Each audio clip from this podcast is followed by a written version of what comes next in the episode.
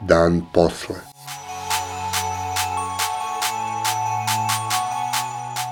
Podcast o krizi i njenim posledicama.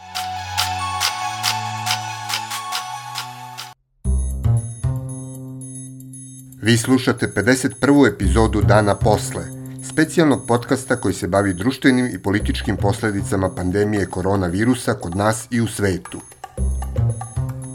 U Novom pazaru, ali i u Tutinu i Sjenici, epidemiološka situacija je danima unazad veoma dramatična, što je privuklo pažnju kako domaćih, tako i svetskih medija. Broj obolelih od koronavirusa je u drastičnom porastu, kao i broj umrlih, a građani tog dela Srbije tvrde da su ovi brojevi mnogo veći nego što se zvanično saopštava.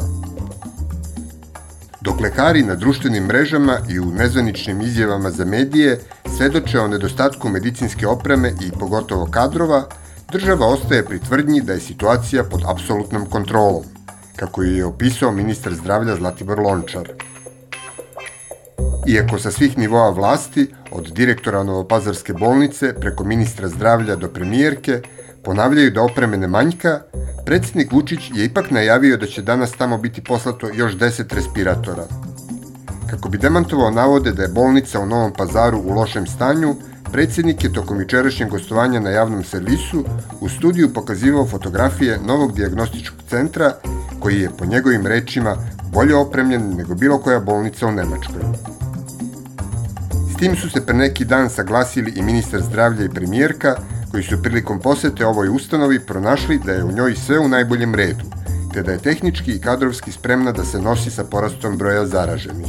S tim se uopšte nisu složili okupljeni građani, koji su ih iziždali i dobacivali im, a jedan deo prisutnog medicinskog osoblja im je u znak protesta okrenuo leđa.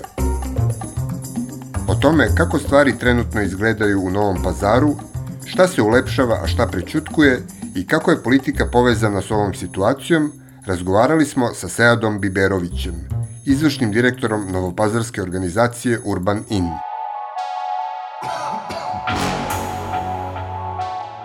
Dan posle. Kakva je zapravo situacija sa brojkama u Novom pazaru? Kome pazarci najviše veruju što se tiče podataka o umrlima i zaraženima? Šta kažu umrlice po gradskom drveću i zidovima? Što se tiče brojki, ne znamo ih. Čujemo neke zvanične brojke, po umrlicama te brojke su mnogo veće, znači mnogo više ljudi umrlo. E, ne mora da znači da su svi umrli od korone, ali ako imamo podatak, ako znamo, u stvari mi koji živimo u pazaru, da je u prethodnih nekoliko godina nekakav prosečan broj umrlih dnevno u pazaru bio je između 3 i 5, s tim kad, kad vidimo da je petoro umrlo u jednom danu, onda kažemo au sve pomrije, a sad imamo i po 7, 8, da ne pominjemo na 3 e, krizna dana kad smo imali preko 10 umrlih, onda na prvi pogled možemo da znamo da tu nije nešto u redu. Možemo da zaključimo da te brojke koje nam oni govore, zvanične podatke, ne možemo da uzmemo ozbiljno. Ne možemo da im verujemo. I onda dolazim tu do toga kome pazarci i pazarke veruju i mogu da kažem nikom.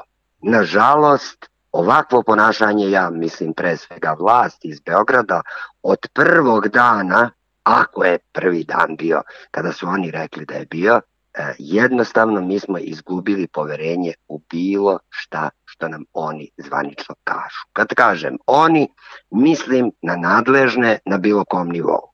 Dakle, mislim da ogromna većina pazaraca i pazarki više ne veruje ama baš nikome mi svojim očima vidimo da ljude masovno, mogu tako da kažem, sahranjuju, da ljudi umiru što u bolnicama, što kod kuće, a oni kažu ne, nije tačno to što vidite, ne verujte svojim očima, nego verujte onome što, što vam i pričam. Isti ti nadležni su nas obavestili da je bolnica u Novom pazaru opremljenija nego one u Nemačkoj. Apsolutno. Šta da radimo s tolikim tim ljudima iz Nemačke kad dođu da se leče ovde zato što imamo bolje opremljenije bolnice nego u Nemačkoj. A nažalost moram da kažem da situacija, stanje u bolnici kod nas, u, u opštoj bolnici na Pazaru, domu zdravlja ili gde se već sve leče ljudi od, od covid je čini mi se još gora nego što e, oni snimci, one fotografije na Facebooku i drugim društvenim mrežama pokazuju. Otprilike je najuobičajenije čuti šta nam se dešava, šta je ovo, šta nam se dešava. Ne mogu da veruju da nas je ovako nešto zadesi. Šta je zapravo najveći problem? Nedostatak opreme, nedostatak kapaciteta ili nedostatak ljudstva? Ili sve zajedno? Mislim da je trenutno nedostatak lekara i medicinskog osoblja najveći problem u pazaru, s tim što mi možemo da govorimo o, o jako teškoj i alarmantnoj situaciji u Tutinu, a plašim se vrlo skoro i u Sjenici. Oprema stiže, i koliko god da je bilo potrebe za njom, ta potreba je, čini mi se, polako biva zadovoljena, ali e, potreba za lekarima i drugim medicinskim osobljem je ogromna, zato što je ogroman broj lekara, medicinskih sestara zaražen i to su desetine. Opet ne znamo tačan broj, zato što smo pre neki dan čuli da je bilo samo u jednoj objavi 20 lekara i 40 medicinskih sestara, a onda više niko nije pominjao koliko je još lekara zaraženo i obolelo. Što se tiče Sjenice i Tutina, i naročito Tutina, e tu sad, osim nedostatka lekara i medicinskog osoblja, njima nedostaje i oprema. Mi smo imali jedan užasan, skandalozan, nedopustiv slučaj pre neki dan u Sjenici dva pacijenta sa teškom kliničkom slikom su poslata u zdravstveni centar Užice, kome gravitira Sjenica po toj nekakvoj okružnoj podeli, kako već, i iz zdravstvenog centra Užice su ih vratili na lečenje u Sjenicu. Obojica, jedan od 46 godina, drugi od 59 godina, su odmah sutra dan preminuli zato što u Sjenici nisu imali uslove za njihovo lečenje. Tako da i za to treba odgovornost, a onda treba i odgovornost za političare kao što je Rasim Ljajić u ovom slučaju, koji izjavljuje da je to bio, Bože moj, nesporazum. Dakle, dva života su izgubljena zbog nesporazuma. Izvinite što kažu u Sjenici danas, od nesporazuma se ne umire, nego od nemara. To je bilo svestan ili nesvestan nemar lekara u zdravstvenom centru Užice. Ko se pomaže ugroženom stanovništvu Novog pazara i Sanđaka u ovoj situaciji? Mnogi ljudi iz Srbije i iz inostranstva, maltene iz celog sveta su poslali pomoć e, što u novčanim sredstvima, što u opremi, Mi smo dobili nekoliko ambulantnih kola od različitih ljudi, poznati i manje poznatih. Dobili smo naravno, evo sad je to uh, hit tema danas i, i podršku, finansijsku podršku od uh, Novaka Đokovića, Adem Ljajić, futbaler iz Novog pazara je poklonio domu zdravlja, odnosno, odnosno bolnici, ambulantna kola, e, neki ljudi iz dijaspore iz Nemačke koji su poreklom odavde su kupili nekoliko, još nekoliko ambulantnih kola. Mi naravno sad očekujemo lekare iz Bosne i Hercegovine, očekujemo lekare iz Turske, kao i opremu koju će Turska da uputi, govori se o nekoj poljskoj bolnici sa nekoliko stotina e, ležaja. Sutra očekujemo da nam stigne pomoć koju su Beograđani i Beograđanke e, donirali preko Srpskog filantropskog foruma, gde su fond B92, zatim Drag fondacija, zatim e, e, Ne davimo Beograd takođe učestvovao u toj akciji i moram da pomenem da je tu celu akciju pokrenula naša koleginica i prijateljica Ida Đorović. Pa kako je uopšte došlo do, do ovog e, razbuktavanja epidemije? Šta je dovelo do ove situacije? Ko je kriv, da li ima neki događaj koji može da se uzme kao nulta tačka? Mnogi govore o odgovornosti građana i građanki. I ja mogu da prihvatim da smo svi mi odgovorni pomalo. Međutim, do ove situacije ovakve ne bi došlo da nije bilo izbora. Dakle, mnogi takođe govore o tom Bajramu, koji je bio prošlog meseca, prekošlog meseca sad već. Tokom Bajrama e, muslimani i muslimanke obilaze jedni druge, prijatelje, komšije, porodicu, ali bilo je vidno da je tokom ovog Bajrama bilo mnogo, mnogo manje, neuporedivo manje tih poseta nego što to obično biva. Tako da taj Bajram možda može da bude uzet, ali samo uslovno, kao jedan od događaja koji su doprineli ovom. Ali po mom mišljenju doprineli su samo malo ako je uopšte doprinelo to. Po mom mišljenju isključivo veliki, veličanstveni, velelepni predizborni skupovi. Dve, tri političke opcije ovde u Sanđaku, dakle sve tri naglašavam, obično mnogi pominju samo predizborni skup SDP Rasima Ljajića i njegovo već čuveno bacanje u masu, skakanje u masu, što je bilo ogavno, po mom mišljenju. Dakle, mnogi uzimaju samo taj skup, a ja obavezno pominjem i još dva druga predizborna skupa, isto tako veličanstvena, velevetna pod znacima navoda. Dakle, niko ne može da me ubedi da na malom prostoru može da se okupi 5, 6, 10 hiljada ljudi a da ne bude nikakvih loših posledica u ovakvoj situaciji sa pandemijom. Bez obzira koliko to političari i političarke i, i svi ostali e, pokušavali da spinuju i da prebacuju odgovornost na građane i građanke, eto kako smo mi neodgovorni, kako mi idemo u kafiće, kako mi izlazimo u grad, a ne pominju predizborne skupove koji su po mom mišljenju bili apsolutno ta inicijalna kapsla glavna inicijalna kapisla za ovakvu situaciju. Koliko se odgovorno ponašaju verski lideri u ovoj situaciji e, na obe strane, među Srbima i među muslimanima? Ne ponašaju se. Uopšte se ne ponašaju ni odgovorno ni neodgovorno. Koliko ja mogu da vidim, religijske institucije, e, verske zajednice se ne oglašavaju. A ovakvo nereagovanje ni jedne islamske zajednice, pa ni Srpske pravoslavne crkve, ja ni u kom slučaju ne odobravam.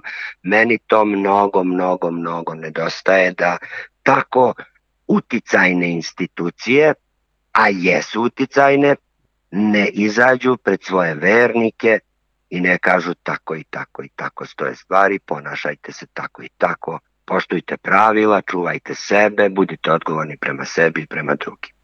To mislim da ništa nije teško i da i to ništa ne košta da kažu, ali nažalost ja do sada to još nisam čuo ni od koga iz religijskih institucija. Pre izvesnog vremena je e, velik publicitet e, dobila poseta predsjednika Vučića Novom pazaru, kojom prilikom je doneo respiratore, što je propraćeno na sva zvona.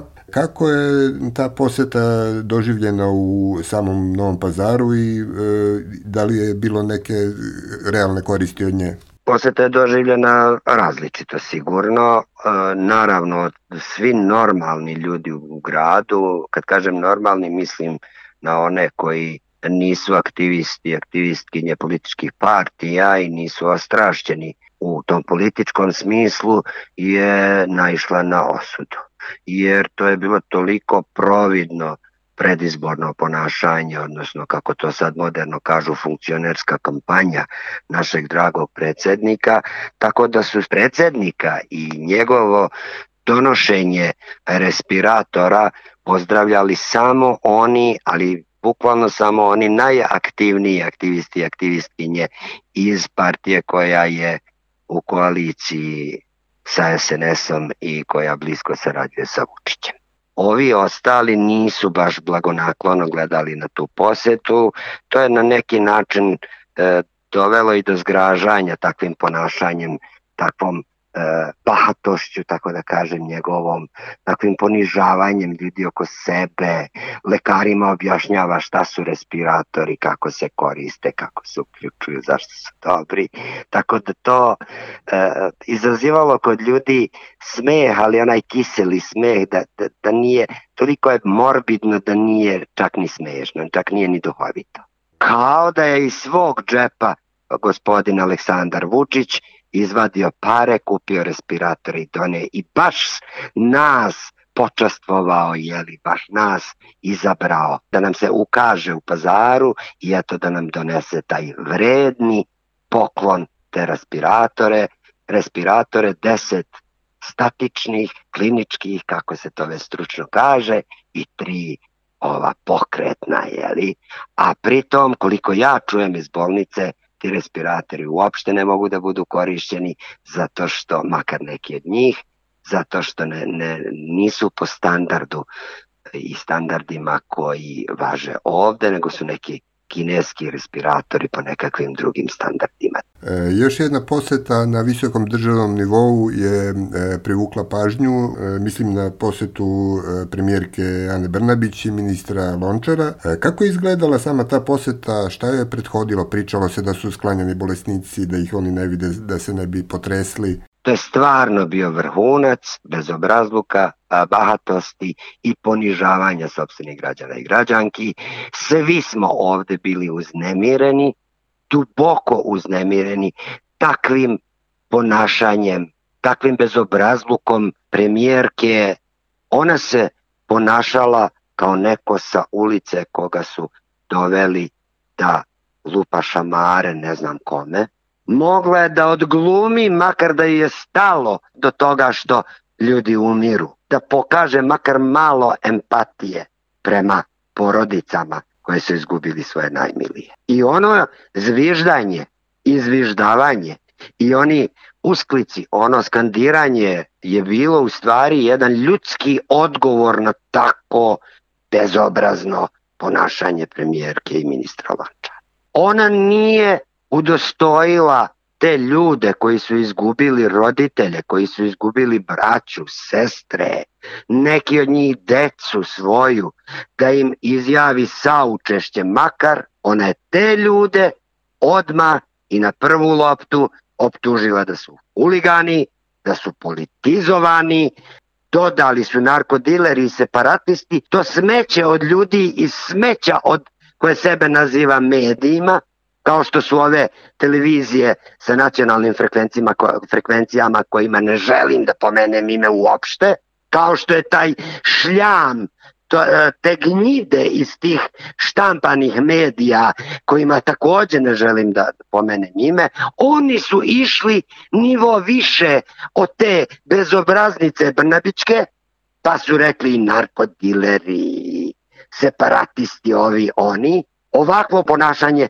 to je nedopustivo, to je skandalozno i mislim da ne mogu da nađem dovoljno jaku reč da osudim takvo ponašanje. Da li možemo e, da predstavimo sa malo slušalcima koji su manje upućeni koje su te opcije e, najznačajnije i najuticajnije u Novom pazaru? Mi u ovom delu Srbije imamo tri najznačajnije najveće političke opcije, to je ono što sam već pomenuo, SDP, to je socijaldemokratska partija koju vodi Rasim Ljajić, večiti ministar od 2000. pa nadalje.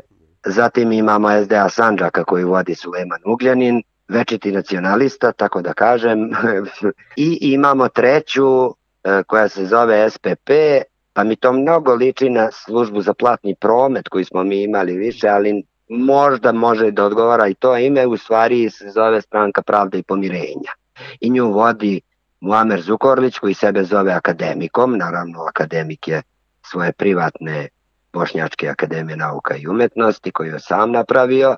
Što se tiče političke situacije sa te tri političke opcije, ove dve su u koaliciji, dakle SDP Rasima Ljajića i SPP Muamera Zukorlića su u koaliciji na nacionalnom nivou sa SNS-om, direktno sa Vučićem. Ja mislim, pošto SNS po mom mišljenju baš i ne postoji bez Vučića, SDA Sandžaka nije u koaliciji sa Vučićem na nacionalnom nivou, mada prema nekim e, saznanjima pred još one prošle izbore Sulejman Ugljanin se i tekako nudio da postane deo te koalicije, ali je odbijen od našeg velikog vođe, tako da je on na nacionalnom nivou opozicija, dok je na, dok su svi na neki način u, na lokalnom nivou u, u koalicijama, pa su u, Novom pazaru, u lokalnoj skupštini koaliciju čine SDP Rasima Ljajića, koja je i na prošlim i na ovim izborima uzela najveći broj glasova.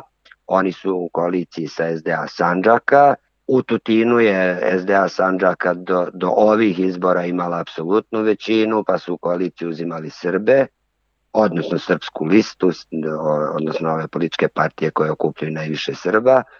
U Sjenici takođe SDA je bila u koaliciji sa nekim, ovi ovamo sa nekim, tako da su svako sa svakim u nekoj koaliciji. Rezultat svega toga je da mi ovde u stvari nemamo opoziciju. Znači, u suštini u Sanđaku je preslikana situacija sa republičkog nivoa, opozicije niđe. U suštini u Sanđaku je takva situacija. Ovde smo mi, organizacije civilnog društva, i neki medio i, i novinari, novinarki imenom i prezimenom pre nekoliko dana izdali apel gde smo pozvali sve državne organe, institucije, organizacije, službe da rade svoj posao. A onda smo juče izdali listu zahteva, tri zahteva, nije duga lista. Prvo, da krizni štab obaveštava nas, obaveštava javnost svakodnevno o stvarnim podacima, o stvarnoj situaciji sa obolelima, zaraženima, preminulima i o stanju u zdravstvenom sistemu na lokalnom nivou, odnosno, to je drugi zahtev, da svakodnevno prave, objavljuju, ažuriraju spisak potrebnih medicinskih sredstava, aparata, opreme i tako dalje. I treće, pozvali smo sve političke partije da momentalno obustave sve partijske aktivnosti, osim onih koje će doprineti poboljšanju situacije, odnosno doprineti borbi protiv bolesti. I odmah, za divno čudo, odmah je povećan zvaničan broj i obolelih, i zaraženih, i preminulih. Ja ne kažem da je to direktan rezultat našeg tog apela i našeg, naših tih zahteva, ali može da bude zašto da ne, jer tu su potpisane najrelevantnije organizacije civilnog društva i najrelevantniji mediji, novinari iz Pazara. Kakva je ekonomska situacija u Novom pazaru i okolini e, pre i posle e, vanrednog stanja? Pazar nije ništa specifičan u odnosu na druge gradove u Srbiji, to prvo moram da kažem.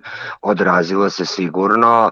Naročito, ako je išta specifično za Novi Pazar, jeste to što, što naši ljudi odlaze u Tursku po robu, a to je tokom vanrednog stanja, pa i sada, bilo otežano, ako ne i onemogućeno. Zatim, naravno, kafići, restorani, kafane, mi imamo ovde te još uvek nekoliko velikih fabrika džinsa, naravno da utiče i na njih zbog toga što jednostavno moraju da vode računa svojim radnicima. Radnici se razboljevaju sad, na primer, a s druge strane ne mogu, odnosno otežano mogu da šalju svoju robu kupcima, jeli, koji su van Srbije ekonomska situacija, odnosno stanje sa ekonomskom situacijom ćemo u punom obimu težine, tako da kažem, videti tek na jesen.